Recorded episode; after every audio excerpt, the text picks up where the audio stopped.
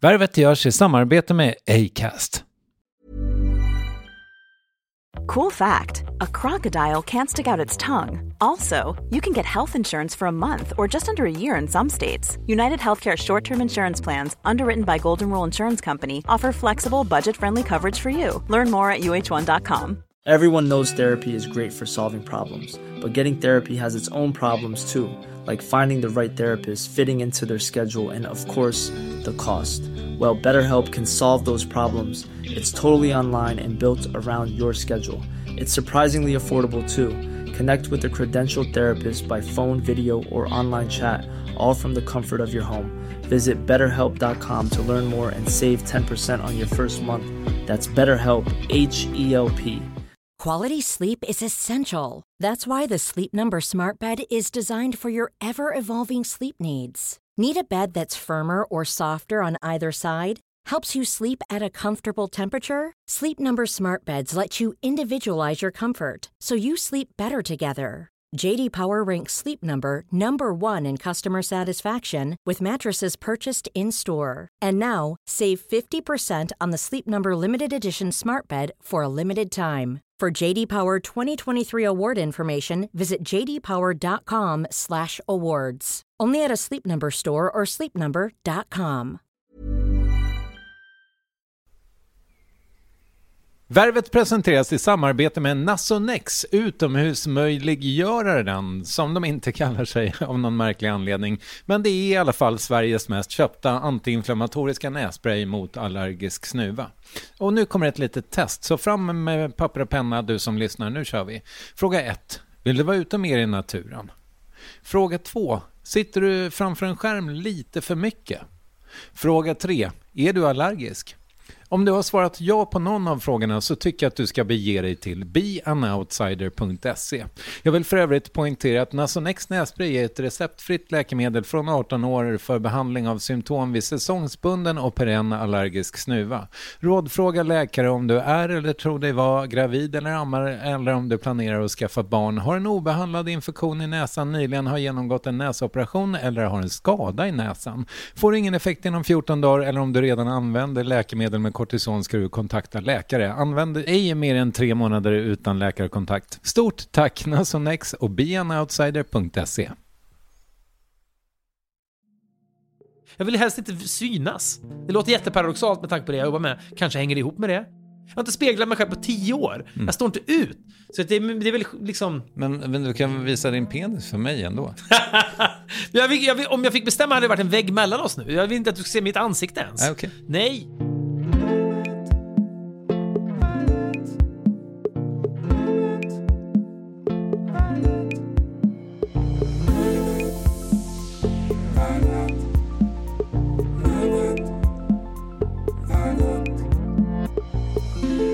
Visst, Fredrik Wikingsson är programledare, poddare, produktionsbolagsdelägare och numera också trefaldig biofilmsregissör. Men det är inte oviktigt att han också varit ett fyrtorn, en pionjär och en vägvisare in i mediebranschen för en växande skara personligheter. Gör den insikten något med honom att han varit viktig för många av oss. Dessutom varför nya filmen Den sista resan om och med Lars och Filip Hammar både kan få betyget minus och 5 plus. Här är Fredrik Wikingsson i Värvet avsnitt 615. D- Dragning med 27 trailers hade du sett idag. Ja. Mm, varav er var en. Hur stod det sig? Jag tyckte den, alltså trailermässigt är vi inte uträknade Nej. för våren. Nej. För då, det kan jag ändå känna kring vissa, okej. Eh, men alltså, vem fan är jag också? Det är liksom så här. Om någon ägnar massa, massa, du vet, tre år åt att göra någon jävla dokumentär och, eller spelfilm och så, ja, man blir jävligt odömande när man sitter där. Men du har ju sett många trailers dock. Ja, Så den älskar konstformen kan du ju. Ja, jag, jag, jag vet ju vad, alltid när jag går på bio med mina barn så, så kommer det ju, ibland, nu börjar de bli så stora som man kan se riktiga filmer. Eh, och då är alltid när det är trailer så säger jag till dem att vi ska säga pepp eller depp efter varje trailer. För man, så här, man känner ju så. Antingen känner man pepp eller så känner man depp. Och så jag tänker skitmycket på det. Och det är paketering och det är storytelling och alltihopa. Så det vore ju för jävligt om man gjorde en trailer som var värdelös själv, men... Nej, som sagt. Trailern är med. Ja, ja, jag förstår. Du, eh, 12 år i frihet har du haft eh, från Värvet. Ja, Mm, hur har du haft det sen sist?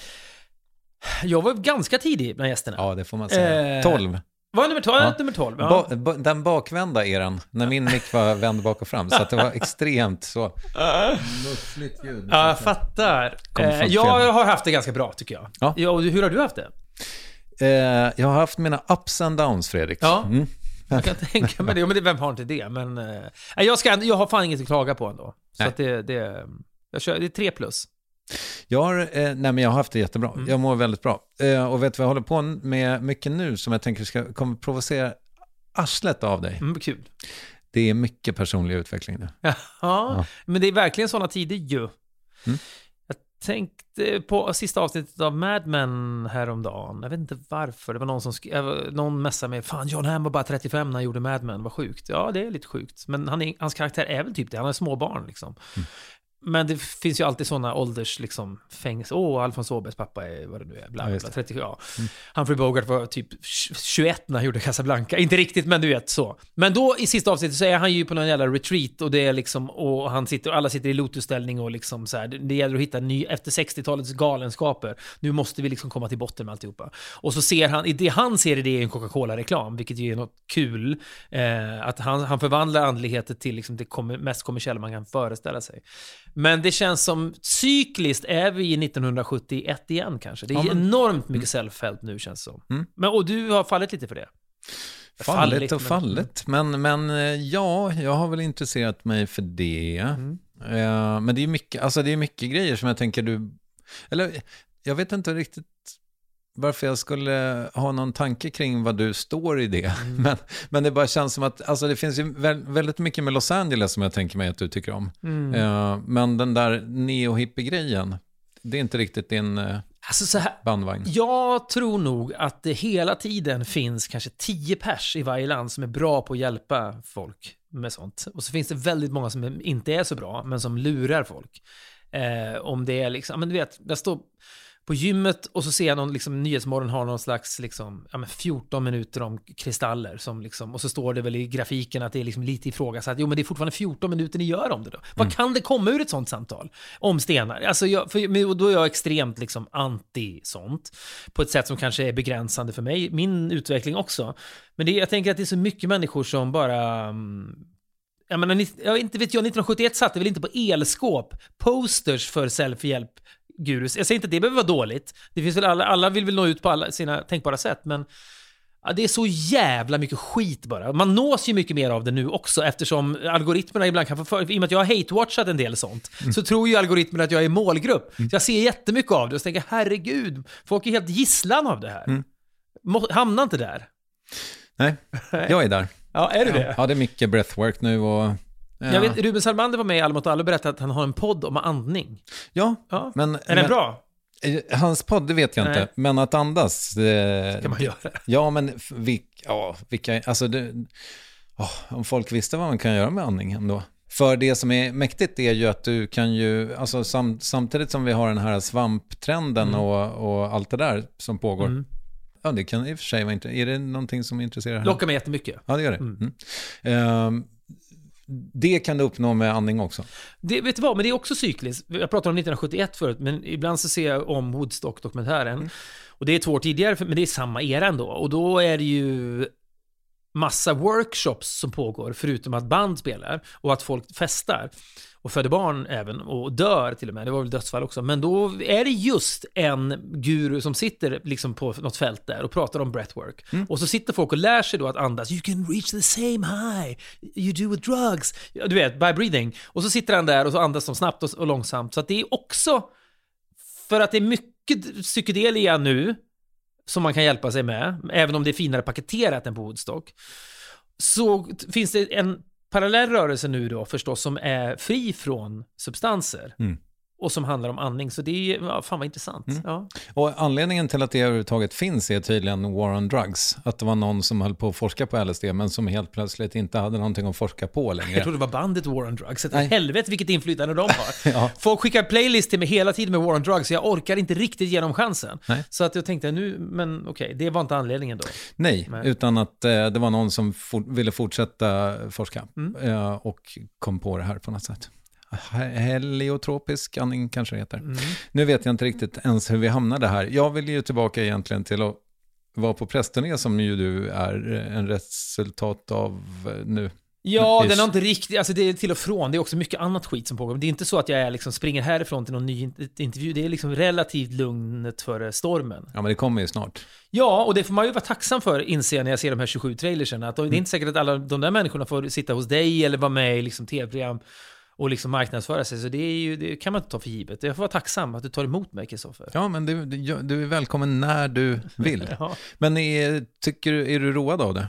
Jag tänkte faktiskt på det, för att jag och Filip eh, gjorde lite grann av det här förra veckan i någon slags break från Alla mot alla som han var i Sverige för att göra. Och så hade vi en ledig dag egentligen och så fyllde vi den med liksom lite long lead som det heter, så här tidningar som kommer ut, kupé och sånt.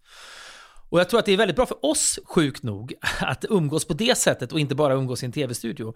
Sen finns det ju andra sätt att umgås, förstår jag också, och man kan vara ute och resa ihop, det är kanske ännu roligare. Men det är någonting med att, att hoppa mellan olika rum och olika reportrar och få saker att garva åt ihop och liksom hon verkar hata filmen, liksom eh, förbrödrandet, när man har haft möte med någon journalist och sådär. Man står i någon, liksom, i snöstorm, i t-shirt, och med någon plåtning som man vet inte kommer att resultera i någon bild. Men efteråt kan man garva åt det, så jag tror det är jättebra för oss. Hela det här liksom, att ha gjort någonting ihop lite längre.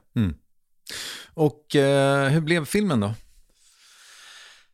Ja du, jag tror, jag är så jävla, jag har ångest inför det, som du säkert, du känner ju mig. Jag har väl aldrig suttit och sagt att jag är nöjd med någonting, tror jag. Ehm, så jag vill inte bäsa den för fem öre egentligen, men det är bara det att man... Eh, alltså jag tänker så här, jag har åtminstone inte sett en sån film riktigt. Eh, det är inte så att vi har gjort, man tänker, det finns många olika sätt att angripa den frågan.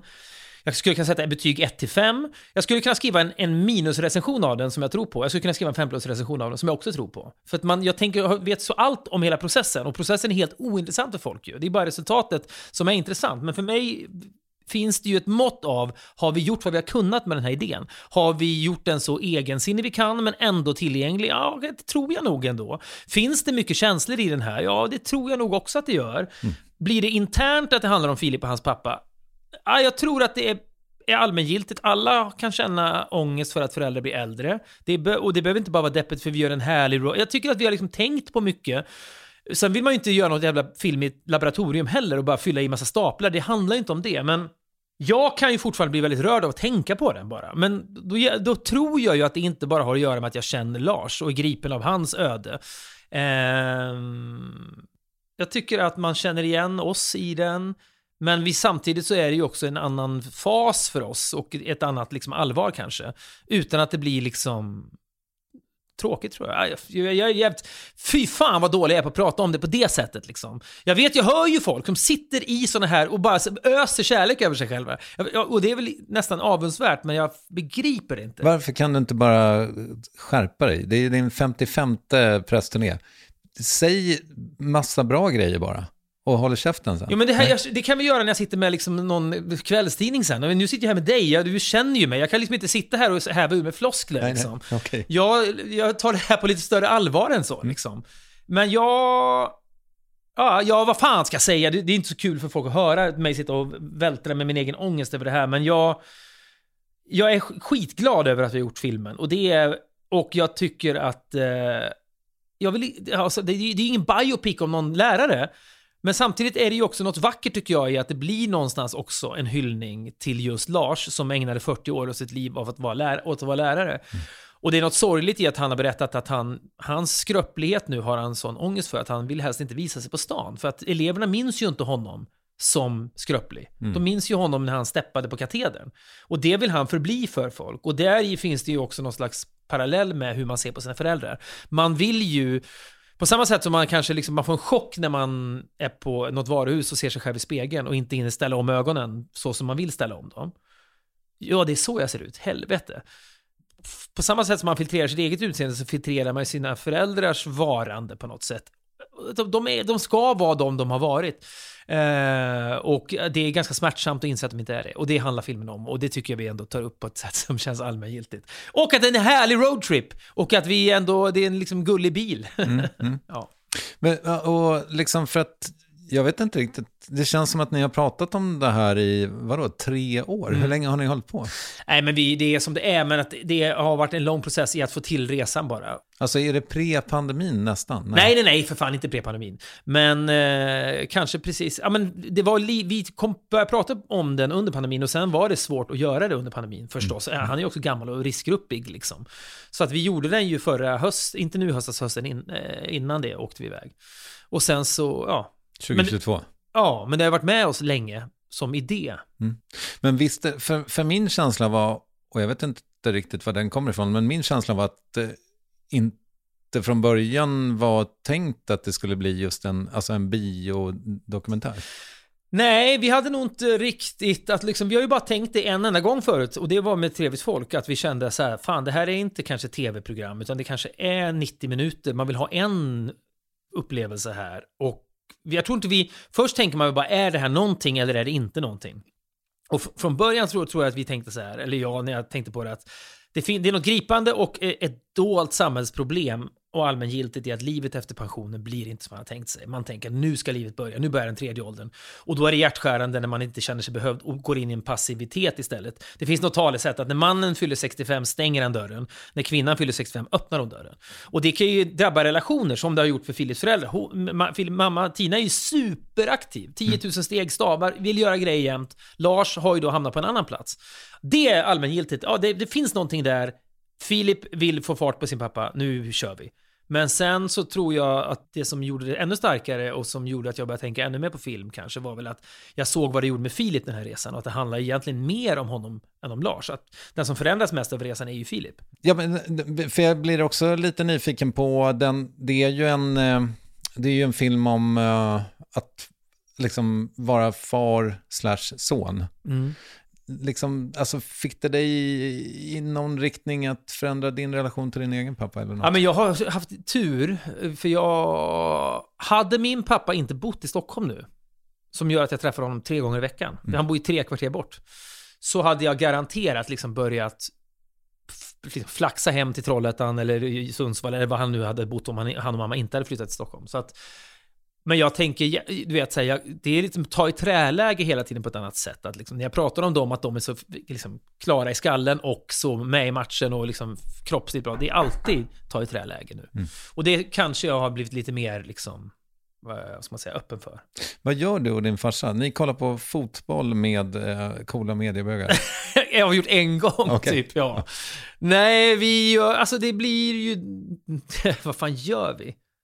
Nej, det, det finns inget kul att berätta om det. Jag önskar att vi gjorde lite, men morsan och han gör verkligen så här. att De är Stockholm-nybörjare på ett härligt sätt. Idag var vi på Dramaten, du vet så här, och nu ska vi ut och kolla på den här Mall of Scandinavia. De är så jävla liksom. Och mina barn sitter bara och garvar. De tar ju hela Stockholm för givet. Det är bara som en lekplats för dem. Så de tycker liksom att, ah, farmar, farmar, farmar. De åker till Mall of Scandinavia idag, så sitter de och fnissar åt det.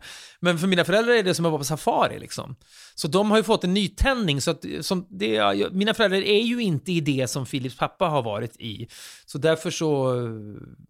Det, kan, det har gett också mig lite... respekt. Jag är kanske lite där Filip var innan resan började. Jag kanske liksom också idealiserar dem en massa. Och tänker att de inte är så skröpliga. Mm.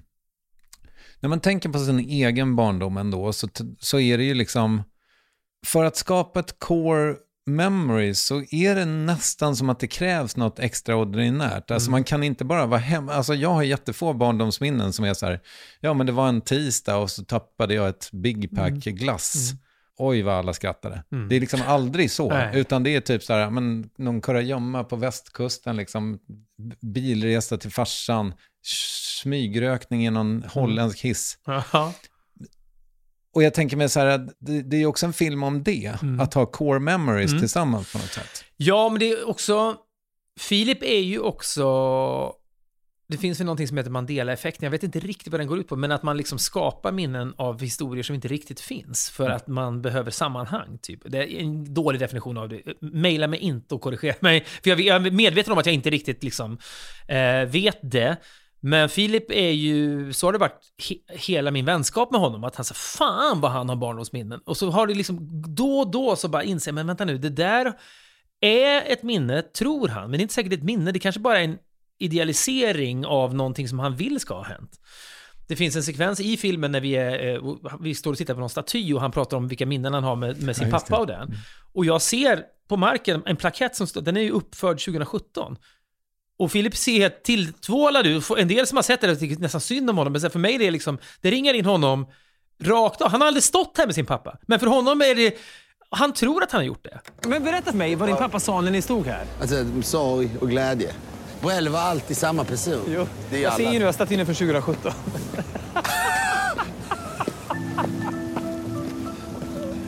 Men mycket barndomsminnen har Eh, och, jag tyck, och det var någon som borde ska ni ha med det i filmen? Då kanske man ifrågasätter annat. Ja, men det är det. Så är det ju med en syn på en barndom också, ens barndom, att man liksom har den här halvidealiserade, den versionen av det på något sätt. Så att eh, jag, kan, jag känner igen mig jättemycket i det. Jag har mycket svagare minnen, men är det för att jag inte har kryddat dem bara? Jag vet inte. Men, men tänker du liksom, ja, behöver kanske inte skohorna in din eh, senaste film, men vad tänker du kring core memories som pappa då? Har du, Mm. liksom, är det någonting som du tänker, Ja, men jag pratar ju om det på ett annat sätt än vad mina föräldrar skulle... alltså, Jag, just frasen core memory känns self-help och ny för mig. Men, men jag förstår ju vad du menar. Och jag... Mina föräldrar skulle ju aldrig ens på skämt säga hörru, nu skapar vi minnen här. Det, det var ju fel generation för det. Men jag säger jätteofta till mina barn, det här kommer ni att använda i ert sommarprat. Eller du vet så här, nu tror inte jag att de kommer att göra det just, men liksom så här, det här, kom ihåg det här nu när ni blir äldre och ifråga, du vet så här. Och det gör, är väl en garant för att de inte kommer ihåg det, kanske. Och jag har ingen aning om vad de har för core memories, vad som har skapats, men jag, jag har ju en helt annan liksom, eh, men typ postmodern medvetenhet om det som man försöker skämta kring för hur idiotiskt det är att påtala. Nu är vi mitt i ett minne hörni. Men det blir ju någon familjejargong också. Det blir, så har man det i sina familjer. jag tänker ändå att, vad fan, vi tog barnen till New York förra höstlovet. Men Fatta vad perfekt ändå. Alltså helt liksom, in, innan, det, innan det kommer in någon cynism. Ja, verkligen. Men det måste varit otroligt ju. Ja, Ja. och att få liksom, ja men du vet, Ja. att liksom höja huvudet så, bara följa, ja. Ja, Jag var där i höstas med barnen också och, och vid något tillfälle sa nu vill vi gå själva. Och att se sina barn, liksom, i mina ögon då, coola tonårstjejer, vandra ganska vant iväg liksom, förbi Baltasar. På, du vet, gatan man själv har liksom raglat runt när man, från att man var 23 och framåt. Kändes otroligt. Och då var det som att jag ville nästan ropa om det här är ett minne! Men det gjorde jag ju inte då. Men för, du vet, så här, fattar ni hur coolt det är att ni går omkring i New York? Ni är 15, inte ens 15 och 17. Så 14 och 16 var de då. Det kanske är så här, jag tänker att det här borde vara ett minne för dem, men framförallt blir det ett minne för mig. Så är det väl. Vill du veta vad jag hade för invändningar mot din film? Nej. Jo, absolut. Det får du, du får, klart du måste säga det, men jag mår dåligt av det förstås. Men gör det? Ja, det är klart jag gör. Jag vill, ja, men jo, ja, men... Ah, Jag, Okej, den är klar ja, just det. det, Ja. det ja, ja, skulle ha sagt, jag skulle ha hört av mig tidigare. Ja. ja, verkligen. men då säger jag den inte då. Jo, det är klart du måste göra det. Den känns kanske lite inslagsproducerad. Mhm. Men jag tänker mig, i, emellanåt så blir det ju ehm, ett metalager. Vi gör en film om att göra en film och då måste det här hända. Det måste liksom, vi måste iscensätta den här scenen för det hände någon gång back in the day. Min giss, jag hade velat se den klippningen där man inte hade det, utan att, man, att det fick vara mer dialog bara. För det känns som att det, den, det var någonstans där det hände för mig ändå. Ja, men jag, jag fattar väl det också. Men samtidigt är ju flera personer jag pratar med som eh, tycker att de scenerna är bäst. För att då känns det, det är ni, det känns som att ni är sanna Ja, mot er själva. ni. Men Det att är det är ni. också någonting som springer ur Philips och Lars liv liksom. Men alltså, jag fattar den invändningen och det... Och sen kan det väl kanske 90 minuter mer av Filip och Lars sitter och pratar det skulle uppfattas som långsammare och kanske skulle du plötsligt sträcka dig efter telefon. då? Jag vet inte, men det är klart vi har labbat med det i massa olika klippningar. Det finns en sekvens när Lars och Filip sitter och äter middag eh, där de bara sitter och pratar och Lars berättar om sitt liv som lärare och så. Jag tycker det är en underbar liten scen. Eh, och så tänker jag vissa gånger när jag ser den så här, fan den är underbar den här scenen. Och så vissa gånger tänker jag, hur fan lång är den här jävla scenen egentligen? Så att jag har man sitter ju och, och brottas med det där jättemycket. Sen tycker inte jag att det är en kompromiss att man då, okej nu ska vi ha med lite sånt upptåg och lite bus och så ska vi ha lite, de sitter och pratar om livet. Men jag gillar ju den mixen själv liksom. Sen förstår jag att det är renare att inte ha det. Men då skulle den kanske bli mer traditionell också. Så Ja, jag, tror jag. jag fattar vad du menar. Jag fattar vad du menar. Och sen om, det här är inte en invändning, Nej. det är en fråga. Mm. Eh, scenen när Filip eh, plockar upp dig, Mm. är den gjord långt, långt, långt i efterhand? Nej, för fan. Men kanske, ja, några, alltså vi filmade inte dag, alltså vi, han hämtar ju inte upp mig Nej. på det sättet. Så att det, det är klart att det är, men det är, det såg ju ut så. Så att, eh, ja vad fan, så är det ju att göra dokumentär för helvete. Att man, det, det är ju...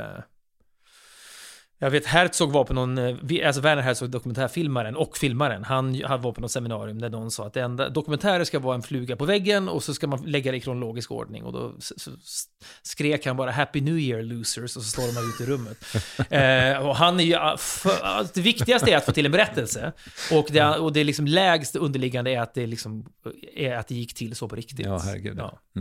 Ja, men du, jag måste också säga så här, alltså jag blev ju fucking djupt rörd av den. Eh, och gick raka vägen ut. Mm. Eh, nu såg jag den inte på bio så jag var hemma så nu ljög jag. Mm. Eh, Men- jag gick inte raka vägen ut. Du gick, smällde ihop laptopen. Slä, smällde ihop laptopen, eh, eh, ringde min pappa som också var lärare. Så han och Lars har ju jätte, jättemycket gemensamt, samma generation givetvis. Vad eh, fint att höra. Det blir jag ju väldigt glad för.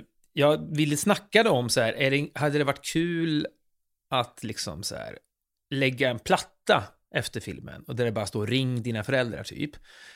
Men man kan liksom inte blamea folk. Det kan liksom inte bli ett uppdrag att gå på film. Det är samma sak som liksom, Filip kan vara lite benägen och liksom säga, liksom säga jag vill att man ska få dåligt samvete när man ser den här filmen. Ingen vill gå på bio för att få dåligt samvete. Man vill ju gå på bio för att få en fin stund av något slag. Man vill bli livrädd, eller så vill man skratta, eller så vill man gråta, eller så vill man allt möjligt. Men ingen vill ju liksom bli blamead på något sätt. Men om folk gör det så är det ju. Jag gjorde ett sommarprat för massa år sedan där jag avslutade just med att man skulle ringa sin farmor eller mormor. Du vet, så. Det, man är ju på en hårfin jävla mästrande gräns när man har det, liksom, den agendan och det får man passa sig för tror jag. Alla har ju inte heller privilegiet att ha en mormor eller farmor. Nej, nej, nej precis. Men då kan man, man skulle kunna skriva något generiskt. Ring någon som du inte ringer så ofta. Nej. Men då blir det också väldigt svepande. Och jag tycker kanske liksom att det är smartare att inte rita den cirkeln Nej. fullt till, till eh, biobesökaren. Eh, sen, sen undrar jag också bara slutligen då, eller kanske inte slutligen, vi får se. Mm. Ja. Men, men ehm, för jag tänker mig också att det är en film om att bli gammal eller att åldras, Mm. och inte bara då eh, Lars Hammar, utan även ni på något sätt. Hur har du det med det där? Eh, ja, men det, det är nog inte så bra med det. Men samtidigt också så här, det är... Jag vet inte hur bra jag är på att... Jag har gått för lite self-help kanske för att prata om det på ett liksom genomtänkt sätt. Utan det blir mer bara svepande och liksom openetrativt kanske. Men... Eh, det är också för att man... Säger man en gång i något sammanhang att man mår pissa av att fylla 50, då får man så frågan om det så jävla ofta. Det blir som ett också... Jag har tänkt på det mycket mer därför att man råkar säga det i något sammanhang och därför tas det upp hela tiden. Så blir jag, alltså jag undrar om jag, om jag aldrig hade pratat om det. De flesta människor köttar väl bara på liksom. Eh, och det gör väl jag också till stora delar, men liksom... Och jag menar, det är inte... Jag tar i trä, känner ju inte av några krämpor. Jag känner mig liksom starkare och klarare och allt. typ Så här, jag känner mig inte hämmad av det. Det är ju för mig då på riktigt bara ett nummer. Men herregud, nummer har symbolvärden ju. Jo. Det är liksom inte klokt att man har föräldrar som har ett barn som är 50. Det är inte, det är inte klokt. Jag vill be om ursäkt till dem när jag träffar dem ibland. Här står jag, jag ska inte vara 50, jag ska vara 17 kanske. Och ni ska väl inte vara riktigt så gamla som ni är heller. Ni ska vara 44, typ. Mm. Ja, men det är, också, det är ju lite det filmen handlar om också. Man vill till glansdagarna hela tiden. Sen fattar man att man är ju mitt i glansdagar med sina egna barn, om man har tur och har sådana liksom. Men, men man vill ha dubbla glansdagar. Mm. Man är omättlig. Alltså, det är ju extremt många i ens vänskapskrets som har tagit bort åldern på Facebook. Nu är väl du inte där. Nej. Eh, Men, men du vet, man, det. ja, man kan ha sin födelsedag, eh, men inte sitt födelseår. Undrar vad snitt... Alltså på samma sätt som det finns siffror på att den 13 januari eller 12 så hoppar folk av sina nyårslöften. Det är quitter day liksom. Mm. Vad är quitter age på Facebook? När, när, vad är snittåldern för när folk... Är det 49 då? Ja, 41 skulle jag säga. 41 kanske till Det, sen, sen vill man bara. Eller Ja. jag, vet- jag har ingen aning. Och det förändras i och med att face, det är så många unga människor är inte på Facebook då, så det förändras det väl därav också. Mm. Kanske. Ja, intressant. Nej, men äh, visst. Det är säkert en googling bort. Ja, Ja, jag vet komplicerad inte. googling, men kanske. Average age, Where you hide the hide age. age on Facebook. Ja.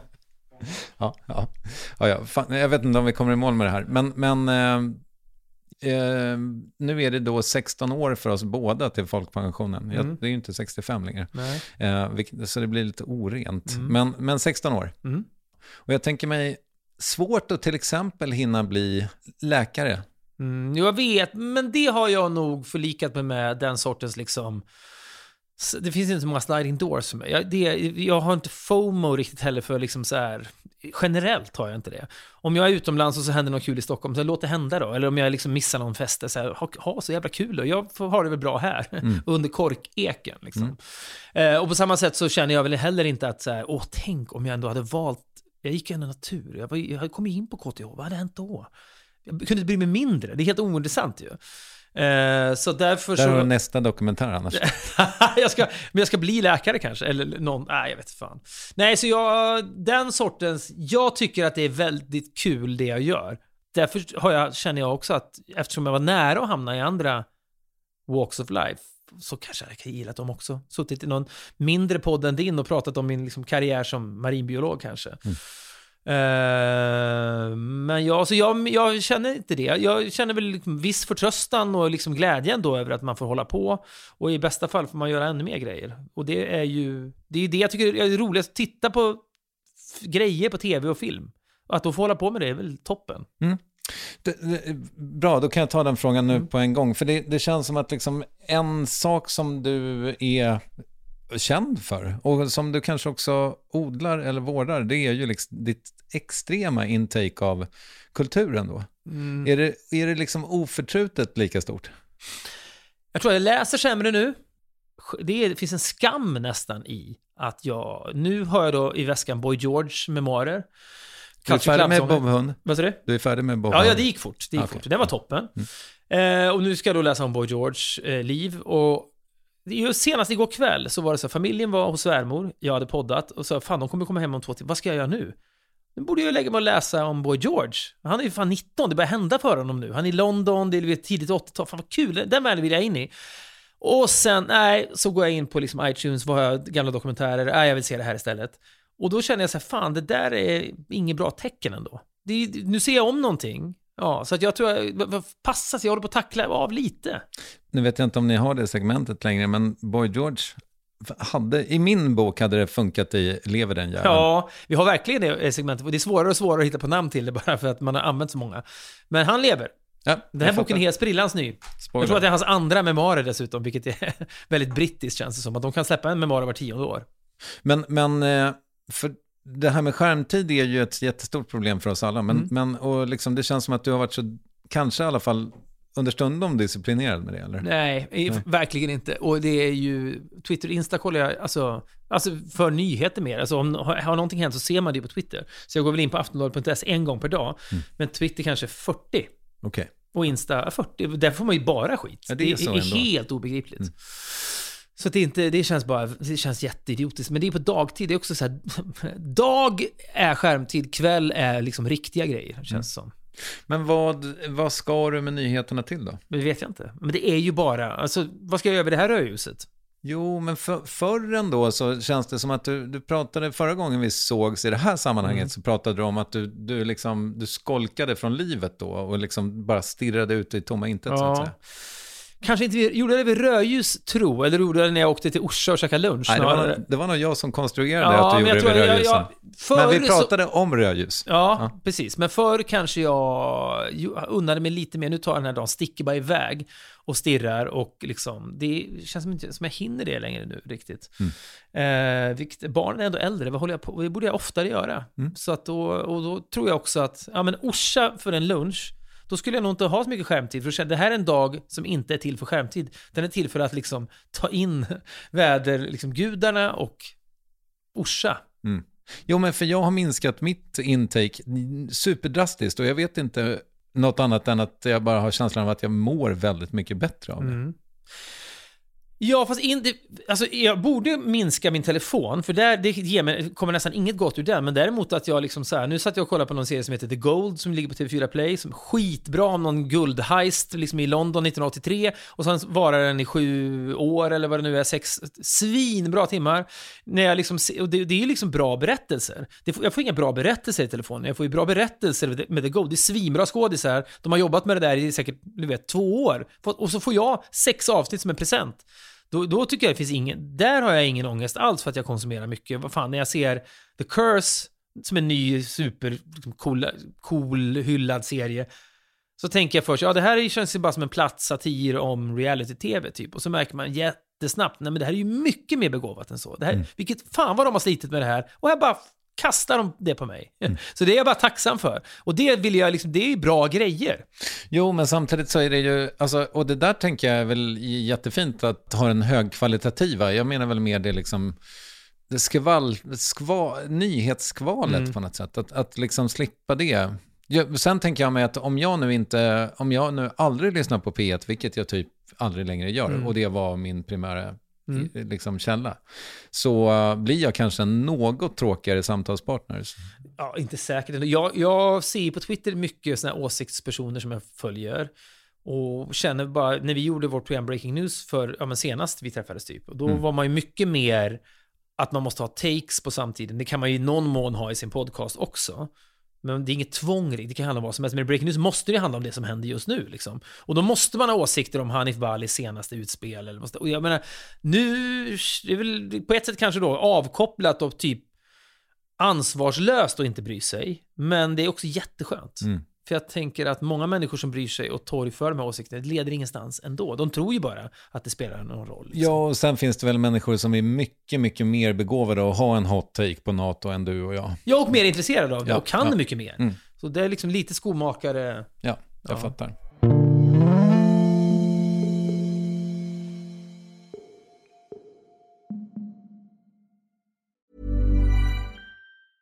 It's that time of the year. Your vacation is coming up. You can already hear the beach waves, feel the warm breeze, relax, and think about work. You really, really want it all to work out while you're away. Monday.com gives you and the team that peace of mind. When all work is on one platform and everyone's in sync, things just flow wherever you are. Tap the banner to go to Monday.com. Everyone knows therapy is great for solving problems, but getting therapy has its own problems too, like finding the right therapist, fitting into their schedule, and of course, the cost. Well, BetterHelp can solve those problems. It's totally online and built around your schedule. It's surprisingly affordable too. Connect with a credentialed therapist by phone, video, or online chat, all from the comfort of your home.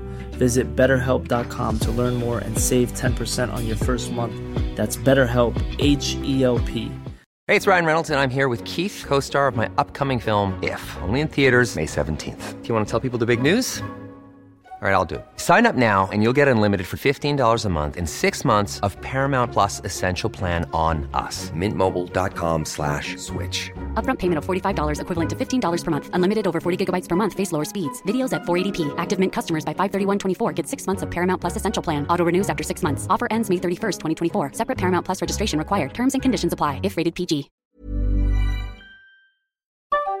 Yes, ny sponsor. Värvet presenteras i samarbete med Svea Bank. Och jag menar inte att ta ner stämningen, men dessvärre är ju lågkonjunkturen här, vilket innebär att de flesta branscher har det tufft och också väldigt många privatpersoner. Jag vet själv vad det är att ha en trasslig privatekonomi. Det var struligt i många år för mig och låg ofta post i hallen med trista logotyper i ena hörnet och jag hade också i flera års tid ett helt gäng betalningsanmärkningar. Och tyvärr är det nog många som har det svårt att få ihop till räkningarna just nu, som har hamnat i ekonomiskt trubbel. Och det är här Svea Bank kan kliva in med något som kallas skuldfinansiering. Där löser de skulder hos inkasso och till Kronofogden och till och med om Kronofogden vill sälja ditt boende har Svea Bank möjlighet att hjälpa till. I den här tjänsten får du en personlig handläggare som gör en grundlig genomgång av din ekonomiska situation. De tar kontakt med dina kreditgivare och när ett lån beviljats löser de dina skulder åt dig och samlar dem i ett enda lån med en avbetalningsplan som din ekonomi klarar av.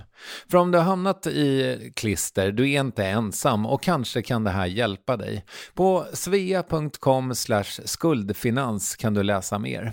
Tack Sveabank! Men du, hur är det då om man tar um, din arbetstillvaro? Mm. Uh, mår du bra? Det lät ju som du mår jättebra i det.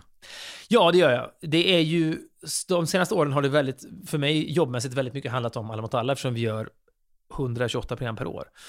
Eh, och jag skrattade högt åt tidningen Filter som kom hem till mig för några veckor sedan. Där det, där det stod Christian Lok berättade om det hårda slitet bakom På spåret. Mm. Och de gör 13 program per år eller något. Det är allt de, det är allt de gör. Mm. Och vi är tio gånger så många. Och jag tycker vi har samma nivå som de har.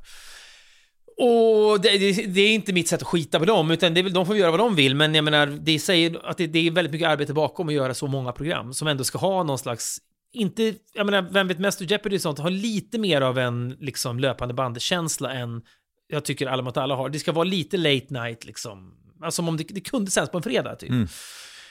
Um, så att ja, det, det tar ju, i och med att vi gör så mycket då, jag vet inte hur länge vi får hålla på med det, men uh, det mellan inspelningssjoken som är väldigt intensiva, då skriver jag ju väldigt mycket manus och frågor till nästa sjok. Så att, uh, sen, sen kommer de fönster när säsongen är över och då då är det ju, vill jag ju vara så delaktig jag kan på Nexico som är vårt produktionsbolag och vara med i möten om ny, kommande projekt och sånt. Vilket mm. ju är skitkul också. Så att, ja men jag, jag, hade jag vetat för 12 år sedan att jag skulle vara så här balanserad mm. så skulle jag nog ändå vara tacksam. Mm. Så det är läge att vara det då. Men, men eh, alla mot alla, är det liksom, ja, nu lät det som att det liksom är upp till de som beställer hur, hur länge ni ska hålla på med det. För om ni frågar mm. dig så säger du, ja men för alltid, eller? Nej, men det är så här, jag älskar ju människorna jag jobbar med och de är så jävla smarta och roliga och vi åker på konferenser och har väldigt, väldigt kul ihop. Och jag vill ju, att, jag vill ju fortsätta jobba med dem. Ofta konferens. Ja, det är jätteofta konferenser. Mm. Men det är, nu senast skulle vi åka till Prag och så blir det bara Uppsala på grund av konjunkturen. Så att vi, vi är ändå liksom omdömesgilla. Mm. Så var det kul i Uppsala också. Mm. Men så att jag vill ju fortsätta jobba med dem också. Lilla Uppsala som Prag kallas. Nej, tvärtom. Ja. Önsketänkande. Uppsala vill nog det. Ja. Eh, nej, jag, alltså jag, jag tänker ändå om varje säsong, alla mot alla, som jag tänker om nästan alla säsonger av allt vi har gjort, att det här är förmodligen sista, av, ja, sista filmen man gör, sista säsongen man gör av någonting. För att man, jag har inga horisonter så. Det, och det, har, det har inte ens med åldern att göra, utan det har jag nog aldrig haft. Men, men eh, förr i tiden så hade ni ju liksom, då alternerade ni ju två olika produktioner mm. om året. Ja, ibland gjorde vi det, ja, precis. Ja, eller ganska ofta ändå. Ja, och, och, samtidigt var det ju också så här, vi hade en, det fanns någon slags synkronitet i att våra program gick precis så dåligt så att kanalen ville inte ha dem så länge och vi ville ju också göra något nytt hela tiden. Så att, men nu har alla mot alla funkat så bra så kanalen vill ju inte att vi ska chansa på någonting annat heller och de bestämmer ju. Men sen skulle vi sätta ner foten och säga vi är utbrända, vi måste göra något annat nu, redaktionen, alla protesterar, ge, ge, ge oss chansen att göra det här. Då kanske vi skulle få göra det, men jag tror att det hade varit svårare nu än för tio år sedan. Allt är mycket större på Discovery nu. Det är amerikanska ägare, det är fokusgrupper hit och dit. Så att Ja, men vi fick ju ha, fått göra helt, alltså vet, första, när vi fick göra valvakan första gången på kanal 5, det var ju unheard of 2008 att kanal 5 skulle göra en valvaka om amerikanska valet. Mm. Så att, men det hade nog, ja nu har vi gjort det ganska nyligen också, men det, ja, jag vet inte, det är lite mer, vad ska byråkrati nu, tror jag. Men det, det finns en chans att göra en valvaka nu va? Ja men, vi, ja, men det, det kanske vi gör i höst, vi får ja. se. Det beror på om det känns spännande då. Det är väl, man kan hålla det öppet en månad till, ja, före en månad före typ. Mm. Då får man nog bestämma sig. Du, eh, byter halvtvärt ämne ändå. Anna Wnok, mm. har du jobbat med henne? Känner Nej, jag har inte det, jag vet om det ja. mm. eh, Hon är aktuell med en, en föreställning om skam, mm. eh, med någon slags undertitel om att bli eh, bortvald. Bastarden heter den. Verkar jätteintressant. Dansföreställning eller? Jag tror det. Ja, jag, såg, jag läste om den idén lite. Ja. L lite läste jag. Alltså. Läste inte hela artikeln, men jag tänkte, ja, så fort man inser att det är dans, ja men då kan jag ju inte dans. Och då är det fan då är det inte helt säkert man läser hela artikeln om dans. Men du, inte, du blir inte lite sugen på att gå och se den? Jag har sett en dansföreställning en gång och jag bara, fan, ja, man, man låter så jävla eh, stereotyp bara. Men, oh, visst, jag, jag skulle vilja bli golvad. Ja, men när någon säger så här, du borde se Whiplash, det är en film om trum, en kille som trummar. Ja. Och tänker man, hur fan ska de kunna få det att flyga? Ja, ah, okej, det är typ en av de bästa filmerna jag har sett. Ja. och den handlar ju inte om trummande förstås, men det, det, det utspelar sig mycket trummande i bild. Liksom. Har du sett den med ungarna? Eh, ja, de Mm. älskar den. Ja, samma här. Ja. Mm. Men du, eh, jag vill ändå in i skammen. Mm. För att jag tänker mig att du har varit så liksom skamlös kring skam. Eh, det känns som att du är generös med grejer som man kanske skulle kunna tycka är skamliga. Så Mm. som anger management, att du slår sönder racketar och så vidare. Gör innehåll av det. Ja, det är det man gör. Ja. Eh, jag minns också eh, med skräckblandad förtjusning om när du bajsade ner en t-shirt på P3. Just det, det minns jag också med skräckblandad förtjusning. Det, förstår, det Ja. förstår jag. Och, Ja, jag, alltså, ja, jag torkade ner den kan man säga. Ja. För, för den var längre än jag trodde. Ja, det. och kom mellan när jag satt ner. Och det var inte så att jag liksom, ja, så gick det till. Ja. Eh, men var går gränsen för skam? Var, vilken skam delar du inte med dig av, så att säga? Det, ja, så här, alltså, det är klart att man, alltså, om, det, alltså, om det inte är innehåll. Jag kommer ihåg en gång jag var på mm, Tekniska museet och barnen var små och jag var dålig i magen. Och, Just det. Ja, men då var jag tvungen att gå på toa och de var ju tvungna att vara med för de är för små. De kan inte stå utanför. Två och fyra. Två och fyra. Mm. Och så blev jag, var jag väldigt lös i magen och det lät väldigt, väldigt mycket och det var ju fruktansvärt att vara där inne. Det var en väldigt liten toa också. Så barnen började liksom skrika där inne till slut och Pella som är äldst ropade andas genom munnen Joni. Mm. Ja, kaos var det där inne jag var tvungen att utföra det. var liksom, jag var ett djur Mm. som bara gick, var nere i my basic foundations. Det var bara jag och avföring som fanns. Det var jättedåligt mådde jag. Och sen kommer man ut och så är det folk som står och stirrar för de undrar vad fan är det som har hänt där inne. Det, lå- det låter som att någon, några barn skändas liksom. Ja, och det kände jag ju direkt efteråt när allt det här har lagt sig, att ja, det här är ju någon, det är ju liksom, det är ju någonting. Och är man en viss typ av person så skriver man in det som en filmscen. Eller så gör man poddinnehåll av det. Och det är liksom, man behöver sitt poddinnehåll och därför är väl det det man gör det. Och så finns det väl, jag vet ju också om att hade det där varit super frowned upon så hade jag kanske inte berättat det. Jag förstår ju att det är, jag fattar väl också som alla andra gör, det är inom citattecken att bjussa på sig själv, att berätta om den typen av grejer. Så jag förstår att vissa tycker det är också äck, svinäckligt att höra om. Mm. Jag fattar att folk har liksom är äckelmagade kring sånt. Men då känner jag så här, fuck, då får ni vara det då.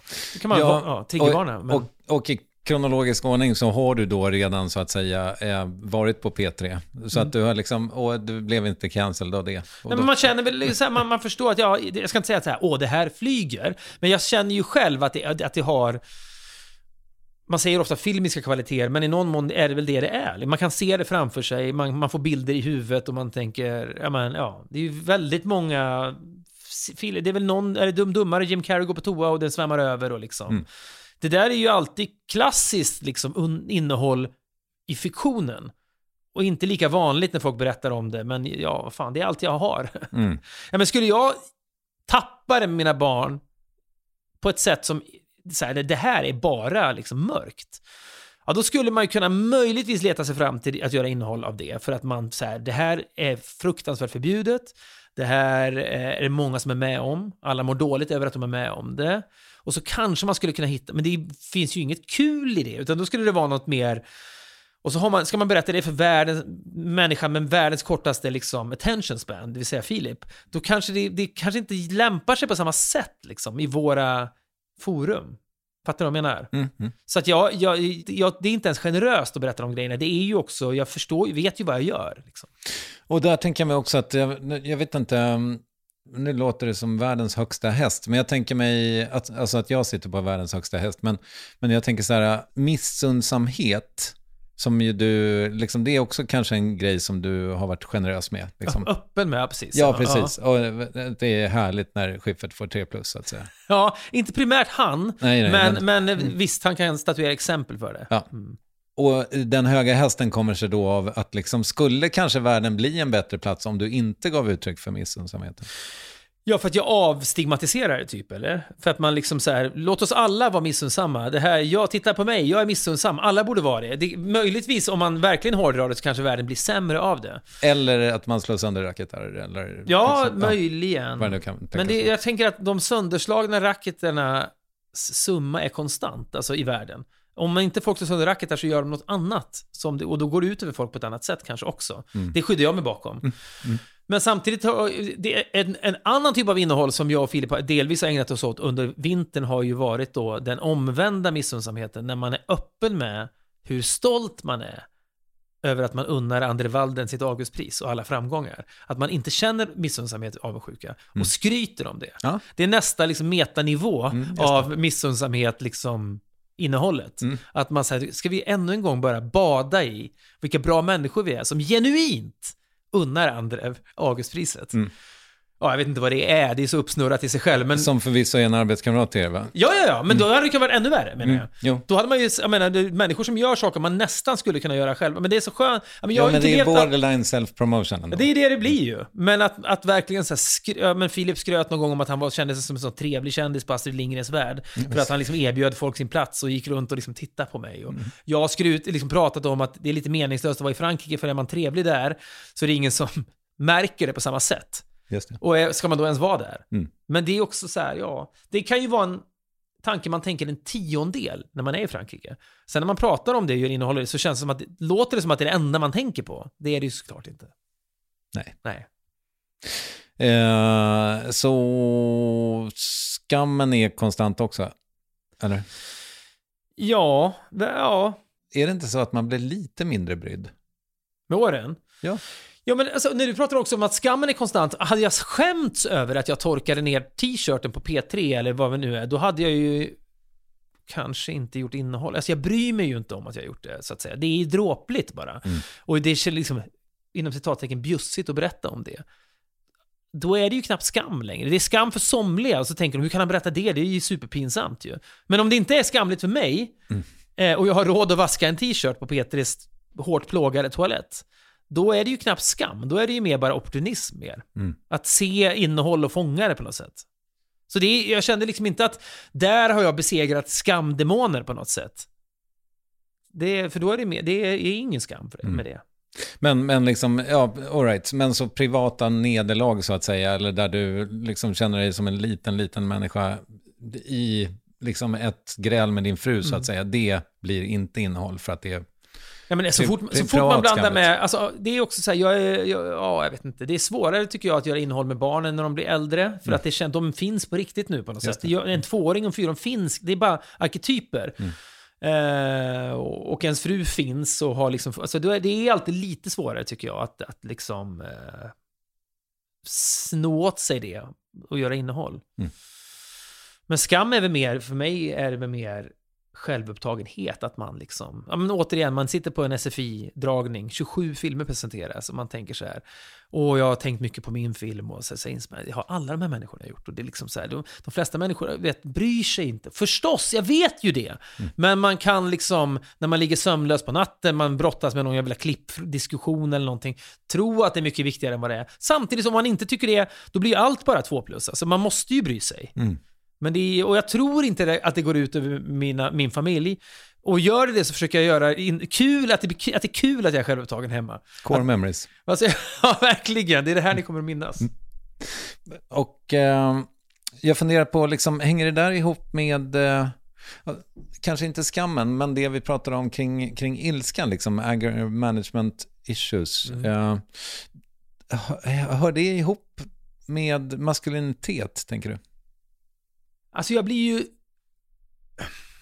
Det är alltid glädjande. Jag, får ju extremt mycket reels skickade till mig av folk. Eh, ofta samma då förstås. Någon viral, någon kille, slår- någon tennisspelare mosar sitt racket. Då får jag redan 40 olika. Men det är ingen konstigt med det. Så de tänker, det här kommer du gilla. Ja, men då, när, ibland får man ju då, när kvinnor beter sig som jag, på något sätt så är ju det alltid liksom lite eh, hjärtvärmande eller vad man säger. Alltså, titta, det är inte bara för att jag är en mansgris, utan alla har de här tjänsterna i sig.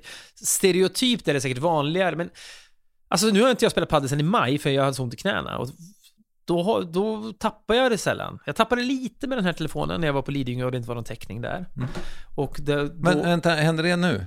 för två veckor sedan kanske. Jaha, okej, för nu har det varit någonting med, det har känts som att ryssen är så jävla nära Nej, men det här var, ja, men jag åkte där ute, hade ingen täckning, och hur är det, och så måste, på något sätt måste jag då så kanske straffa telefonen lite, så då kastade jag den åt sidan bara. Och då träffade han eh, dörren och glaset gick. Mm. Och så var jag tvungen att byta det och så gick jag till något piratställe för det känns enklast. Och sen har ju telefonen varit helt fucked up sen dess. Eh, och då är det klart att jag skäms, det är skam Ja. ändå. Det är så här, jag, jag, jag kör ju bil, även om jag kör 30. Men då, är det ju 30 for a reason också. Så det är inte så att jag kör 30 på 90-väg och jag kör långsamt därför kan jag bete mig hur som helst. Det är ju också 30-väg. Och jag tittar hela tiden på gatan framför mig och kör, har en, en hand på ratten, men den andra handen kastar telefonen hårt åt sidan. För att något måste hända med den. Den måste straffas på något sätt. Och då hinner jag ändå tänka innan, det här är ju jättedumt. Alltså gör det inte. För det, är ju det blir inte mer irrationellt än så. Men det kliet är för stort då. Och då när det glaset då går och jag bara säger, ja lite rätt åt dig, till telefonen, som på något sätt är kopplat till tele- nätet, te- te- telenätet som inte funkar. Så på något sätt har jag straffat allt det. Men då är det jätte, det, det är klart, när man sitter i lång kö då på det här piratstället på Odengatan sen, så är, ju, är man ju så, en sån jävla idiot bara. Det är skam. Men, Och det är kanske mer manligt än kvinnligt åtminstone, ja. ja. Ja. Nej, men fundera lite på... eh, Jag, jag diskuterade med min, med min producent kring din manlighet och hon sa att hon tänkte på dig som extremt liksom, ja, men maskulin. O, oj då. Ja. Ja, men det, jag blev också lite förvånad. lite, lite kränkt kanske? Nej, nej, nej. Glad- glad ja, för din skull. Ja, verkligen. Ja. ja, det var första gången jag hört det tror jag. Ja, Ja. Vad fint. Ja, jag, om det nu ens är bra att höra det, men jag tror aldrig jag beskrivit som det förut. Men eh, ibland, ibland så ser jag bilder på mig själv när jag omedvetet sitter lite manspreadig. Mm. Tänkte, vad fan, är, är jag, nu gör jag inte det. Nu sitter jag med benen i kors. Jag däremot. Ja, men så att jag, jag kan liksom, när jag upptäcker arketypiskt manliga beteenden i mig själv så blir jag ändå fortfarande överraskad. Mm. Men du, vad skulle du säga att maskulinitet är för dig då?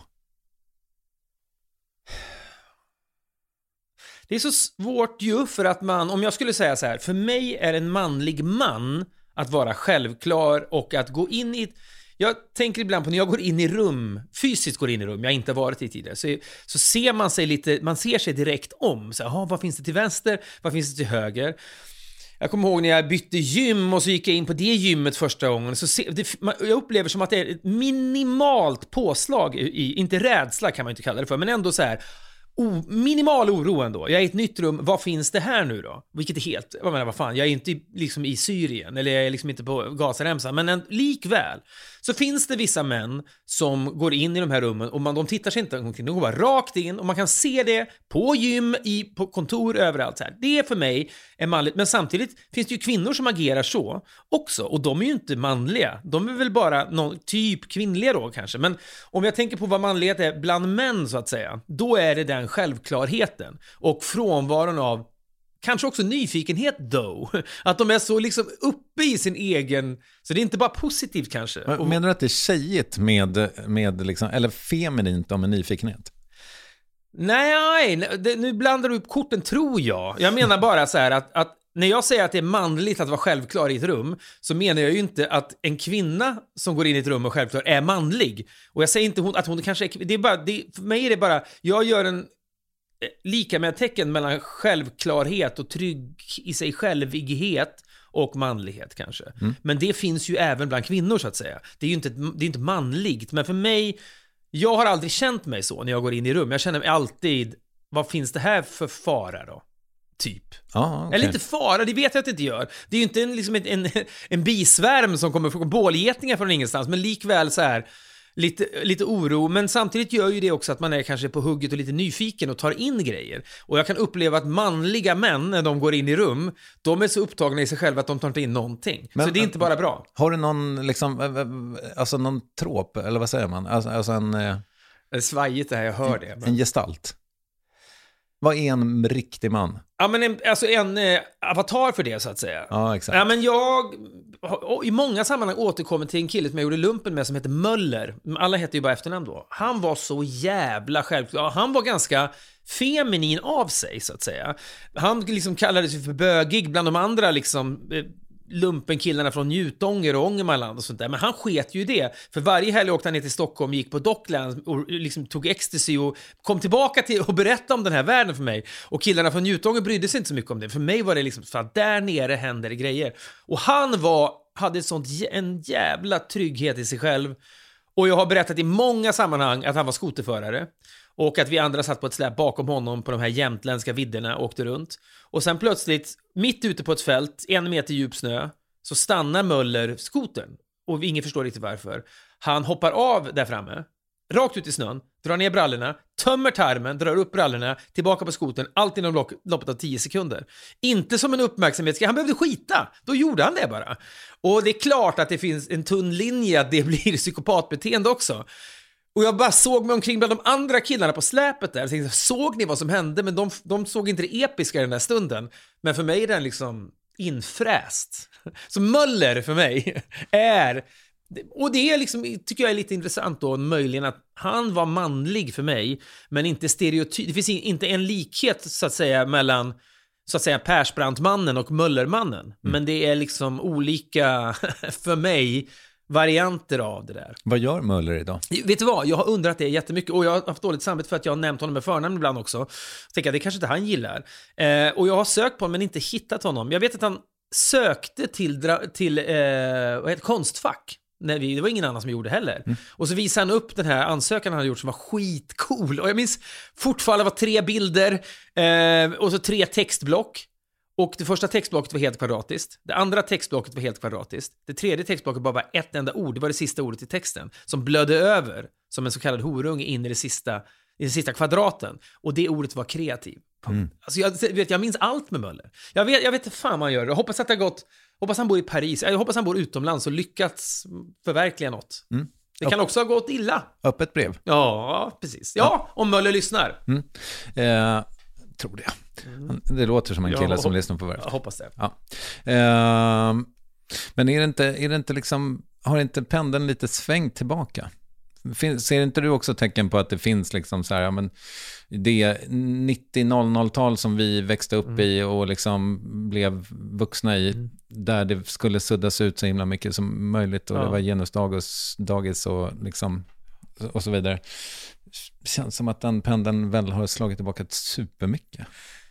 Ja, det känns verkligen så. Och jag vet inte riktigt vad man ska tycka om det heller. Det, men du vet, när, man, när det är Barbie Oppenheimer Ja, Mm, mm. och det blir verkligen så här. Ja, alla män jag känner liksom ska nu ändå. Ja, men Oppenheimer är ju ändå en bra. Och jag känner lite, lite det själv typ. Glad när jag ser Barbie för att den kunde blivit så mycket sämre och jag ser det med mina barn, de älskar den och jag säger så här, fan vilken prestation det här ändå är. Att ta den här storyn och göra den så eget och liksom så här.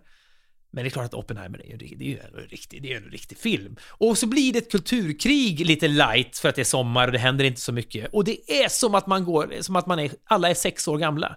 Och det är liksom, om man är kille eller tjej. Cowboy-indianer eller Barbie. Så att vi, det känns som att det där aldrig går ur. Och det är gen, jättegenant någonstans. Men du har rätt i det, att det är liksom, nu tycker folk att det är liksom typ lite härligt med könskrig också. Ja, men det är väl också någonting liksom...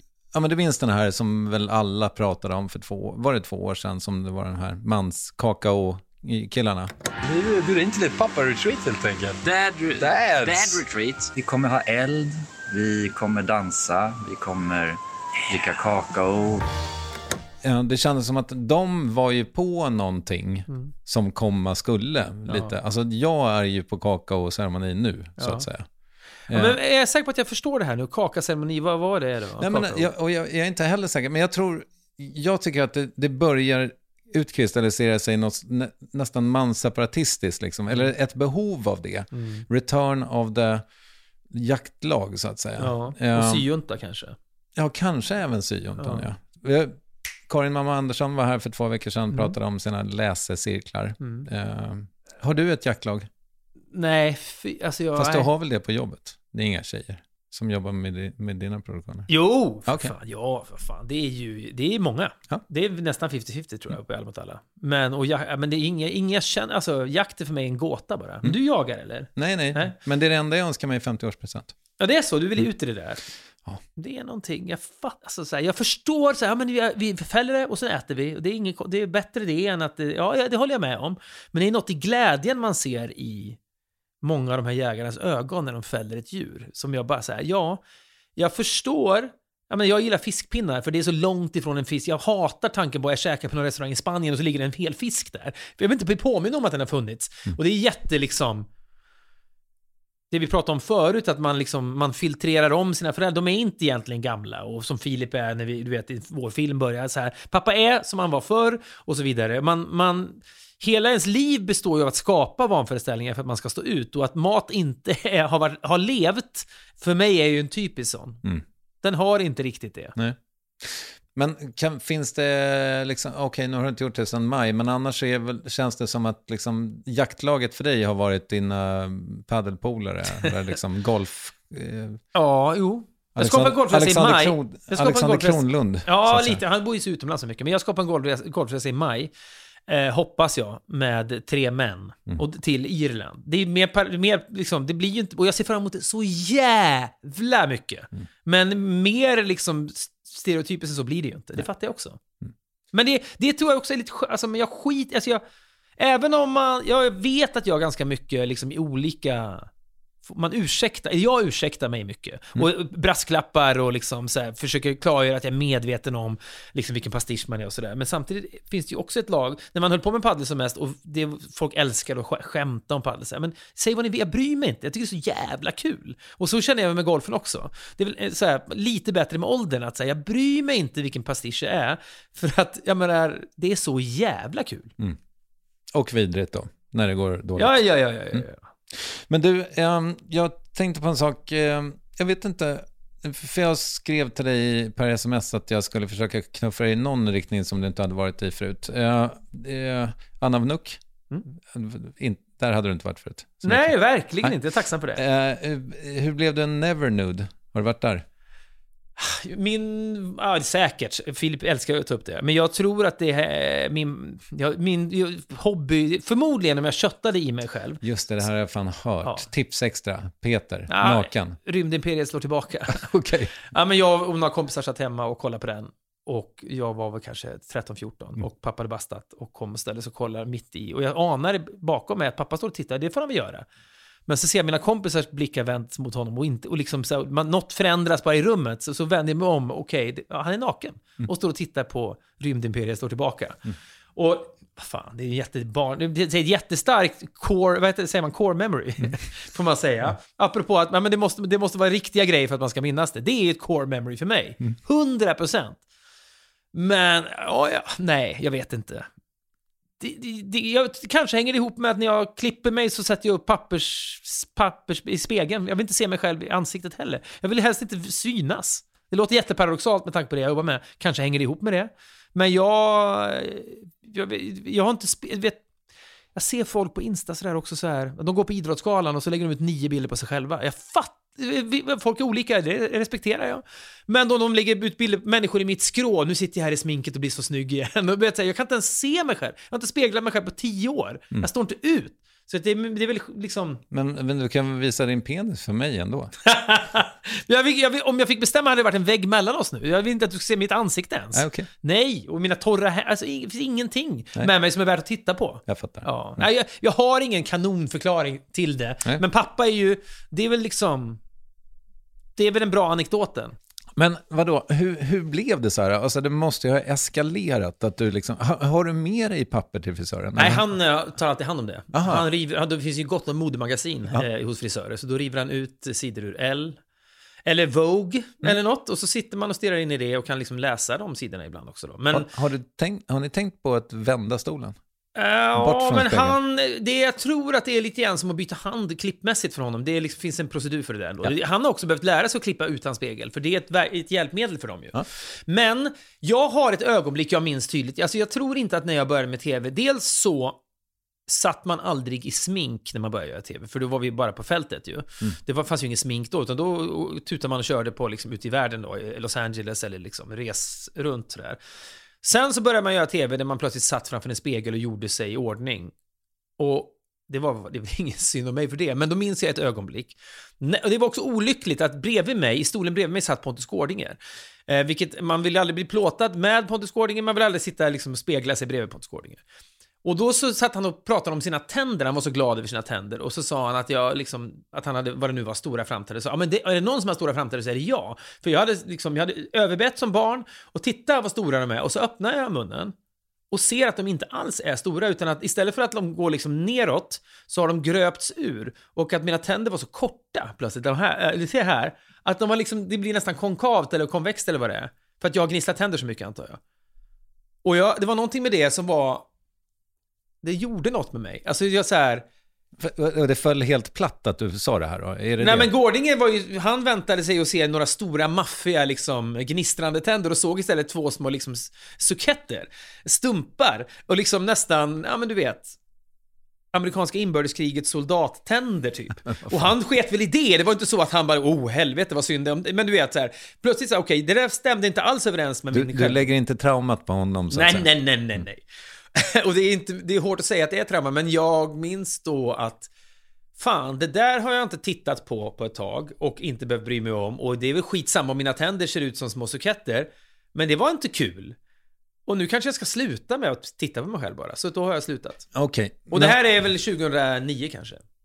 Ja, så det är ändå goda 15 år. Ja. Men vad händer i klipprummet då? Alltså Ja, så fort du är i bild så tittar du bort? Nej, det är, det är vad det är. Det är inte kul bara. Eh, att, men i- i- alla mot alla är jag aldrig med i klippningen i, för det är så, det är ett enormt maskineri och de är skitduktiga och det är för många program för att bry sig om. Men när vi har gjort den här filmen, då måste man ju sitta, vi har ju, jag har väl sett 60 klippningar av den här filmen. Eh, och då, men då tänker jag också att det här handlar ju om Lars och det handlar framförallt om Filip. Jag fladdrar förbi, jag är väldigt lite, förhållandevis lite med i filmen.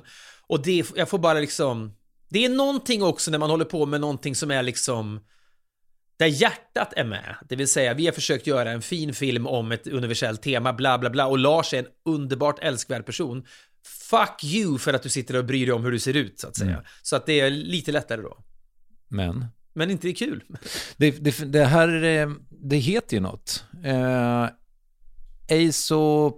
På... Nej. Eisoprotrofobi. Eiso... Trofobi. Det måste finnas ett bättre namn. Jag minns att jag satt i någon, något tv-program någon gång och bredvid Håkan Hellström. Ja. Och så råkade han titta ner i monitorn där man ser bilden på vad som är i bild. Och då så tittade han och så sa han bara monstrum, sa han. Oj. Och då menar han sig själv då, för han tyckte inte om att se sig själv heller. Och då kände jag att det var ett moment mellan oss, att vi kom nära varandra, att vi förenades i att det inte var kul att titta på sig själv. Mm. Också en vacker man dock. Ja, jätte! Jag förstod inte vad han menade. Först trodde jag han menade mig förstås, när han sa monstrum. Och tänkte jag, hårt! Ja. Hårt! Hård icebreaker! Men eh, ja, han pratade om sig själv. Men, men eh, är det förfallet som är det absolut jobbigaste? Det tror jag att det är, men det är samtidigt, ja, om vi gå- går tillbaka till urtraumat inom enorma citattecken, stunden med Gårdinger och tänderna. Det är ju förfall. Jag hade ju inte sådana tänder innan jag började gnissla tänder. Då samtidigt var jag 15 år yngre än vad jag är nu. Men det är väl, allt förfaller ju. Det är ju en- en förruttnelse man är med om hela livet ju. Så det är väl det. Det är väl någonstans en, en eh, indikation på att allt kommer att ta slut. Så det är väl det, det man bara vill undvika om man kan. Det är också så, vad fan ska man sitta och spegla sig för? Nej, det, det kan ju gå riktigt dåligt som Ja. det gick för han, vad han nu hette. Narcissus? Nej? Nej, jo då. Ja, kanske ja, exakt. Eh, hur gör du när du rakar dig? Då mentalt så har jag ju papper på spegeln också, men det kan jag ju inte ha för att jag har tonårsdöttrar och det är massa spring där. Men då så tittar jag bara under näsan hela tiden. Jag, jag tittar inte uppåt. Samma sak när jag kollar håret så kollar jag över ögonen. Det, är liksom, det kritiska är väl liksom mun till ögon. Ja. All, det är ju det som förfaller. Mm. Så kan hår, har man tur att jag får behålla håret ta i trä, det kan ju också ryka. Varför gör du inte botox? Ja, men jag, ja, det är klart jag har tänkt på det. Mm. Men samtidigt så jag tänker ibland på, vad heter han nu då, han som är i amerikanska Idol? John, nej, han som, den elake britten. Vad heter Ja, han? Simon Mm. Cowell. Titta på honom. Han måste väl ha tillgång till världens bästa knivar och kirurger. Ja, det ser inte klokt ut. Om han med de resurserna, så, så går jag till någon snubbe i Vasastan. Det kan ju sluta hur som helst och då blir det, då blir det dubbel bestraffning på något sätt. Eh, men du, eh, jag vill bara, innan vi går härifrån, du vet ju, eh, jag blev så, jag blev lite, jag var så dålig förra gången jag intervjuade dig, tyckte jag. Eh, eller själva programmet var ganska dåligt. Och jag lät så dålig. Så Men jag, var ändå, jag, var ändå, jag blev ändå lite pigg av att höra att jag ville prata om pengar.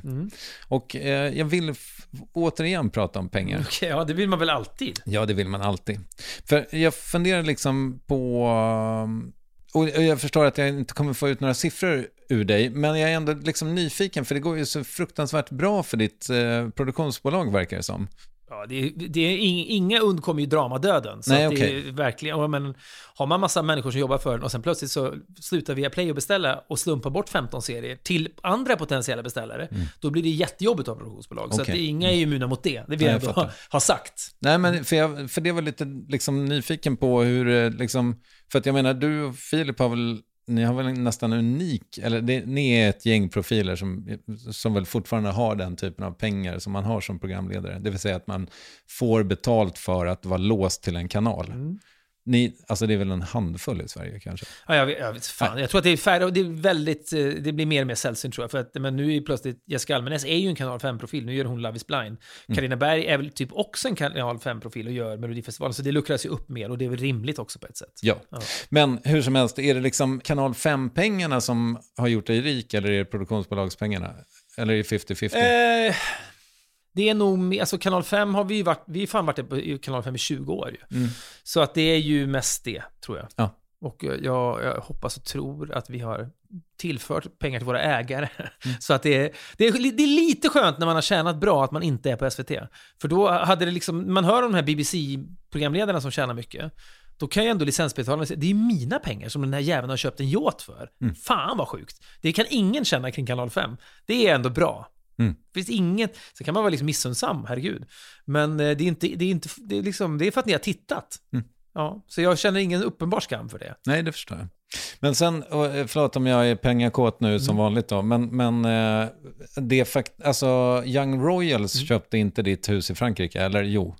Nej, nej, nej. Du, nej du blir inte stenrik på det? Men jag, det vet jag verkligen genuint och inte vilka pengar som är i rörelse, men Nej, jag nej, tror men- inte, det finns ju en dimension av, tror jag, nu kan ni göra en serie för Netflix, ni kommer inte tjäna så mycket, ni kommer inte äga någonting av det, för det är ju Netflix som äger allt. Men det ser jättebra ut när ni går till andra och säger, vad har ni gjort? Ja, men vi har gjort Young Royals. Alltså vi har haft möten utomlands och så säger man att man har gjort, man har gjort Young Royals. Det är ju vilket, jag har inte haft någonting med det att göra. Då blir folk jätteimpade, så då blir det ju liksom, där blir man ju som, ja, men på samma sätt som när man var liksom 22 och inte tog betalt för att skriva för L, för det såg bra ut på CV att skriva för L. Mm. Så är det, alltså, det är långsökt parallell, men du frågar, men det tror jag inte är någon jättepengamaskin. Och hur går det med formatsäljeriet då? Det ligger också still just nu eller? Ja, för fan i helvete. Det är liksom någonting hjärtskärande i att, att det traditionella är ju, om man då säljer ett format utomlands, att först säljer man till ett man är ett litet land, säljer till ett litet större land, som sen leder till ett lite större land, och sen blir det Tyskland, England, USA, världen. För säljer du till USA, då kan du sälja överallt, typ. Vi säljer ju bara till mindre och mindre länder. Alla mot alla, först till Norge, ab- absolut, och sen till Danmark. Nu är det på gång i Finland. Det blir bara mindre och mindre länder och det är skit, alltså de som gör det där gör vad de kan, men det är skitsvårt att sälja gameshows utomlands. Man, jag var i England och kollade på tv liksom en hel kväll och det är bara gameshows. Och så tänker man, här borde, de borde ju älska alla mot alla. Stephen Fry leder det, kan, det är rolig stämning, de är bra på att skriva rubriker där. Fan vad bra det skulle vara i England. Ja, och så säger jag det till Bäckung som jobbar. Ja, men vet du, förstår du hur mycket gameshows de gör? Hur bra de tycker att de är på gameshows? De köper inga gameshows. Så att, nej, det är jättesvårt. Det är det som är såklart Ja, men, vad, vad säger man, slutet av regnbågen. Man säljer massa format och kan tjäna pengar när man sover. Men det har, det har varit väldigt lite sånt ändå. Ja, jag fattar. Mm. Men, men eh, så när, för du sa för typ en timme sedan att när det liksom är ett litet vakuum i Alla mot alla, då försöker du liksom ta möten Mm. på jobbet. Är, är det den typen av möten du sitter Nej, i? då kan det mer vara så här, vi har en idé om en dramaserie här, eller liksom, nu ska vi iväg och pitcha det här, kan inte du vara med? Ja, men jag har ju varit med och haft några möten innan, jättekul, och man, ja, så här. Så att det är, eh, det är ju en lyxig typ av möten där man inte behöver Ta ansvar. Ta ansvar. Nej, man kan bara vara den där sköna bollplank och sen går man ut därifrån så får någon annan föra det vidare. Det är jättekul. Gud, om du vet så här, den här premissen är stark, ska vi slänga in någon, är han skild kanske? Ja, vad händer om han är skild? Alltså det är ju bara, det är liksom, då blir det närmar man sig det här mytomspunna writers room-känslan av att här sitter massa människor och har kul och det kan bli någonting som hamnar på liksom Discovery eller Prime eller vad fan som helst. Mm. Så det är sånt jag försöker hinna med då. Och det är jättekul. Ja, men, eh, fan, det där låter otroligt avundsvärt. Och, men jag skulle också vilja säga en grej, Mm. apropå att du har kul på jobbet. För att jag brukar berätta, tror jag, när jag får då privilegiet att bli intervjuad, så brukar jag prata om Mark Maron. Mm. Och att jag så här, ja, men utan Mark Maron hade jag inte startat Värvet. Mm. Det är förvisso säkert sant, men vad som är ännu mer sant är att jag inte hade gjort det ifall det inte var för Filip och Fredriks podcast. För att jag såg er göra den. Ni låste in er i konfen på, vad fan hette det? Alltså, Metronom typ. Ja, Stockholm, exakt. Ja. Precis. Och så satt ni och gastade och eh, gestikulerade. Det såg ut att vara så jävla roligt. Plus att jag tyckte jättemycket om själva slutprodukten. Ja. Så jag vill bara säga det. Ja, vad kul då. Eh, Det är ju jättekul att höra, även om du förbereder... Alltså, det som vi har haft flax med, vi har gjort den där så jävla många avsnitt nu, om det är över 700 eller vad det är, och varje vecka. Eh, och det hade ju aldrig gått om vi hade behövt förbereda oss så som du förbereder dig, eller andra poddare. Jag kommer ihåg att Emil Persson som vi nu jobbar med, som är producent för Alla alla, han var med oss i Ryssland när vi spelade in vår dokumentärfilm Trevligt folk, var med ett somaliskt bandylag där.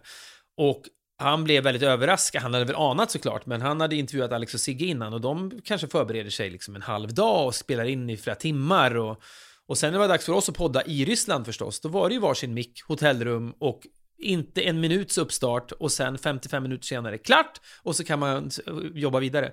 Och det är ju för och det säger inte jag som något skrävel, utan det är på gott och ont. Det hade kanske blivit bättre om vi hade förberett oss mer. Men jag vet ju också att om jag hade förberett en, så att säga, en Sigge-drapa om något härligt, en härlig spaning med liksom nio olika led och du vet sådär. Jag hade hunnit fyra ord innan Filip hade avbrutit mig.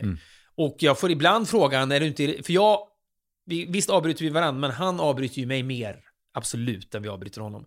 Och då kan jag få frågan ibland, är det inte irriterande att han avbryter dig? Och då så menar jag verkligen det, att om jag, jag har inte mer än sju ord redo i hölstret. Så om jag, om jag kommer till ord sju så blir det tyst. Så om han avbryter mig vid ord sex så är det toppen. För då kan jag liksom fylla på med nya tankar. Så att eh, jättekul att höra, och, eh, men, men det påminner mig också om att redan då så var det nog så, in i ett jävla konfarum, köra och sen klart. Mm. Men jag är inte den enda som är liksom skakad ur er kappa så att säga. Fan, gör det någonting med, eh, kanske framförallt dig? Det, jag menar, nu var ju Kristoffer Garplind pratade ju varmt om, om dig. Hörde liksom, det, det var som- jätte, jättekul Gjorde du det? Ja. Ja, vad mysigt. Mm. Eh, har, var, får du någon sån notis när du nämns? Nej, nej, nej, men jag var nyfiken på hur, hur han skulle liksom för, Det var tror jag, första intervjun jag hörde med honom. Och i och med att jag har känt honom så länge så tänkte jag det var kul att höra honom på den här, liksom, i den här rollen som Värvet-person. Och jag tyckte han skötte sig... Ni skötte det jättebra. Tack så mycket. Ja. Mm. Men, men eh, gör det någonting med dig att du har varit den där personen? Ja, men nu, alltså jag så här, när vi började podda så tyckte jag, och för ett, länge sedan, så kunde jag nog känna att jag hörde vårt språk i andra människor. Så tror jag inte det är längre. Mina barn nu, som är liksom 15 och 17, de pratar ju som Edvin Törnblom mer. Det är liksom mycket mer den sortens liksom retorik. Så jag tror vår retorik och vårt sätt att prata, är- det är inte det som är hett eller på tapeten om det någonsin har varit det. Men när vi drog igång så tyckte jag mig höra ordet aura och kompatibel och sånt som vi kanske svängde oss med väldigt mycket. Aura dök ju upp i, i eh, Love is blind. Okej, ja, men det är inte Full så att, circle. Ja, men det är inte så att vi myntar ordet aura, men däremot använder Filip det mycket. Och Ja, på ett nytt, Ja. på ett nytt sätt. Ja, precis. var- Vi, vi överanvänder vissa grejer som jag kunde höra då. Det tycker jag inte att jag gör längre på samma sätt. Men däremot, det det är ju... Det var gulligt när Garplind som hade jobbat med oss i massa år skulle då ta klivet och lämna oss och eh, börja satsa på sig själv, så att säga, som många har gjort. Att han bjöd mig på lunch och ville liksom vara väldigt artig och liksom kändes amerikansk och liksom... Jag vill verkligen tacka för chansen ni har gett mig, men nu eh, hoppas jag att du är okej med att jag prövar. Men ja, och, jag, menar, jag tror inte att han trodde att jag skulle typ bara sätta han näven i bordet. Du går ingenstans din jävel! Jag tycker det är asmäktigt när folk går vidare och och hade jag varit riktigt narcissistisk hade jag tänkt mm, det där har jag varit med och skapat. Så kan jag ju inte se det, för det är ju stora produktioner folk har varit med i. Men det är skitkul. Det är mäktigt när folk går vidare och plötsligt har en egen mikrofon. Det minns jag när jag träffade dig i förra gången jag var med här, att jag, jag minns att vi pratade om att jag var glad för din skull att du hade hittat liksom ett momentum eller en, liksom en grej. Att det är frustrerande när man, framförallt när man är vuxen, kanske kring 30, 25, 27, 30, att inte, fan, jag jobbar och jag håller på, men jag har inte hi- riktigt hittat min grej. Eh, och det hittade jag ju med Filip någonstans. Men det är inte alla som gör. Men när folk gör det så är det ju alltid bara kul tycker jag. Men du, um, Paul Hollander hö- höll ett tal eh, på någon slutfest. Jag vet inte, jag, jag har liksom inte känslan av att jag och Paul har jobbat med varandra. Men, Vet du vad, jag tror att ni kan ha jobbat ihop på Breaking News den säsongen du var där. tror jag han var med och gjorde inslag. Ja, så kan det ha varit. För att han höll nämligen ett tal och han var sådär, eh, han sa att ja, men enda sättet att umgås med Filip och Fredrik, mina vänner Filip och Fredrik, det är att faktiskt jobba med dem. Ja. Och det, jag tänkte också när jag lyssnade på vårt samtal från 2012, det är två vänner som sitter och pratar med varandra. Nu är, har vi verkligen glidit från varandra. Mm. Vems fel är det? Men jag tycker att jag... På ett sätt, jag tänkte, du nämnde vår gemensamma vän Martin Persson tidigare. Mm. Vi umgicks mycket, mycket mer förr. Eh, vi, det låter så drastiskt när man säger det, är liksom, det finns en beröringsskräck i uttrycket glidit ifrån varandra, för det känns som att det är någons fel då. Det är också någonting med, ja men framförallt när vi började umgås, och även när jag och Martin började umgås, då fanns ju ingenting i form av åtaganden, utan det fanns liksom oceaner av tid. Ah, Jag vet inte fan, det är liksom livet och barn. Jag kommer ihåg när jag Ja, men jag kommer ihåg, första beslutet jag tog när jag fick barn var okej, nu ryker golfen. Mm. Det, det, det, det går inte nu. nu så, så man får liksom skala bort grejer liksom. Eh, nej, jag vet inte, det kanske är, är det mitt fel? Är det det? Jag vet inte. Jag tror att om jag så här, det här blir så jävla självupptaget Mm. och naket så att vi kanske måste klippa bort det. Ja. Men nej, men jag tänker mig, jag tror att för mig var det nog lite grann också, jag tror jag kände mig så dumpad. Mhm. Eh, efter, för det var ju ingen som hörde av sig efter breaking news Nej. och sa att jag hade fått sparken eller så, utan jag fick, ju, jag fick ju bara gå, så att säga. Vadå, du fick inte förlängt kontrakt eller? hur? Nej, jag blev inte uppringd, så att säga, Ja, säsong tre. Dåligt, nu ska vi direkt gå till någon personalansvarig och liksom huvudskrå. Ja men det var ju jättemärkligt. Men det var inte så att du hade dragit igång värvet då? Ja, för Jo, nu- jo, jo, jo. Ja men kanske tänkte jag, han har ju fullt upp med det nu. Eh, hade du, ja, jag säger inte att det här är en ursäkt, men vi hade ju en jävla omsättning på redaktörer också Mm. ska sägas. Eh, jag tror inte Det du var var den en- svårt. Vad sa Mm. du? Ja men det var ju också, var, jag tror inte du var den enda redaktören från den säsongen. Jag undrar om Claes Lindberg fick förlängt? Det tror, jag, tror inte. jag Nej, men, oh, men det, det säger jag inte för att hänga honom, men du vet så här. Det var också så långt mellan säsongerna då. Vi gjorde typ fyra veckor Breaking News. Det är liksom inte, nu när man tänker tillbaka när vi gör så jävla många Alla mot alla, så hur fan kunde vi tycka att det var jobbigt? Och sen går det nio månader, ska man göra en ny säsong och så kanske man tänker, ja men den där personen har vi jobbat med i något annat sammanhang. Ja, jag, vi- det är li- lite liksom, organiskt och komplext, men inte snyggt. Mm. Det är det ju inte. Nej. Men det var det, var, det beklagar jag. Mm. Nej men det är väl inte för sent, men Nej. jag kände lite grann när vi, så, vi tog en fika för något år sedan eller Mm. två och då sa du så här, ja, när vi skulle skiljas typ, och så kändes det som vi liksom, det fanns inget mer att säga, så sa du, så vad händer i helgen då? Ja. Och då kände jag så här, det, här, Ja, men du, det säger, i kistan. Jag ska det här säga, är spiken i kistan till för mitt vår försvar, vänskap. jag säger nästan alltid det. För att jag är, nyf- jag är faktiskt nyfiken på vad som händer i helgen för folk. Ja men på riktigt, det säger jag med människor jag träffar. När jag, när Det jag... var måndag, det Jo, men var det måndag Det spelar ingen roll, det är måndag idag. Jag kommer att kunna avrunda den här intervjun med samma fråga. Men jag, jag, jag har fått reaktioner i mitt liv på Really? Är det det du vill veta? Och ja, jag vill det. För det är så här, då får man höra någon, någon ska iväg på någonting. Ja, men jag tycker att det är mysigt. Jag vill, så kan man tänka under helgen, ja nu är han på Andis Lekland, eller nu sitter han, nu är han på den där jag middagen på Bistro Ruby. Ja, men Inget jag, av så, dem kommer jag så vara på. ja, okej, jag förstår att man kan ta det så. Ja. Men jag tycker också att vissa av de där meningarna Du skulle kunna liksom runda varje avsnitt av Värvet, men jaha, vad händer i helgen då? Ja, kanske. Vi Ja. får se. Jag ska Ja. fundera på det, saken.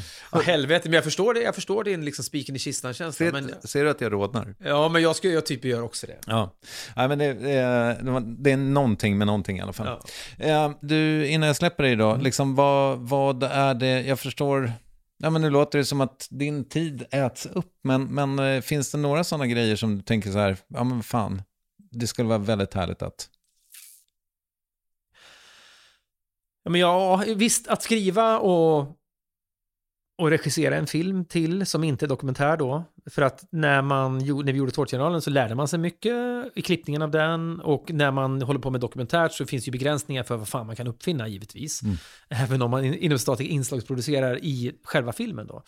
Men eh, så... Men det är också så jävla... Film känns ju greppbart på så sätt att det är 90 minuter, men serier som ju de flesta kanaler vill ha, de vill inte ha filmer. Det är så jävla mycket minuter. Alltså The Gold som jag, det är ju sex timmar typ. Det är, det är ju tre hela långfilmer. Så att det är ju, och det är inte det jag studsar på nödvändigtvis, men man kan ju också tänka så här, ja, måste det vara sex timmar långt då?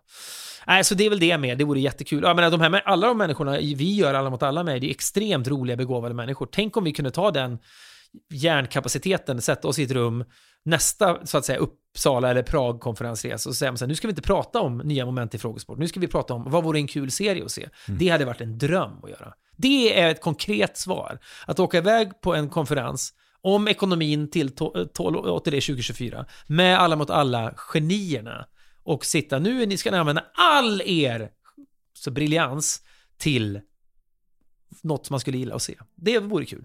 Ulvhälls eh, herrgård, Ja, var ligger det? Strängnäs. Strängnäs? Ja, Och- kanske. Mm. Eh, jag får betalt varje gång jag får in Ja, jag förstår det. Eh, två hotellnätter, jo jag tackar. Nej, det får jag inte. Jag hittade på det. Mm. Ja. Men kanske Ja, det, att det blir en självuppfyllande profetia. ja, ja, de kan höra av sig. Vad händer i helgen? Tack för att du kom. Tack.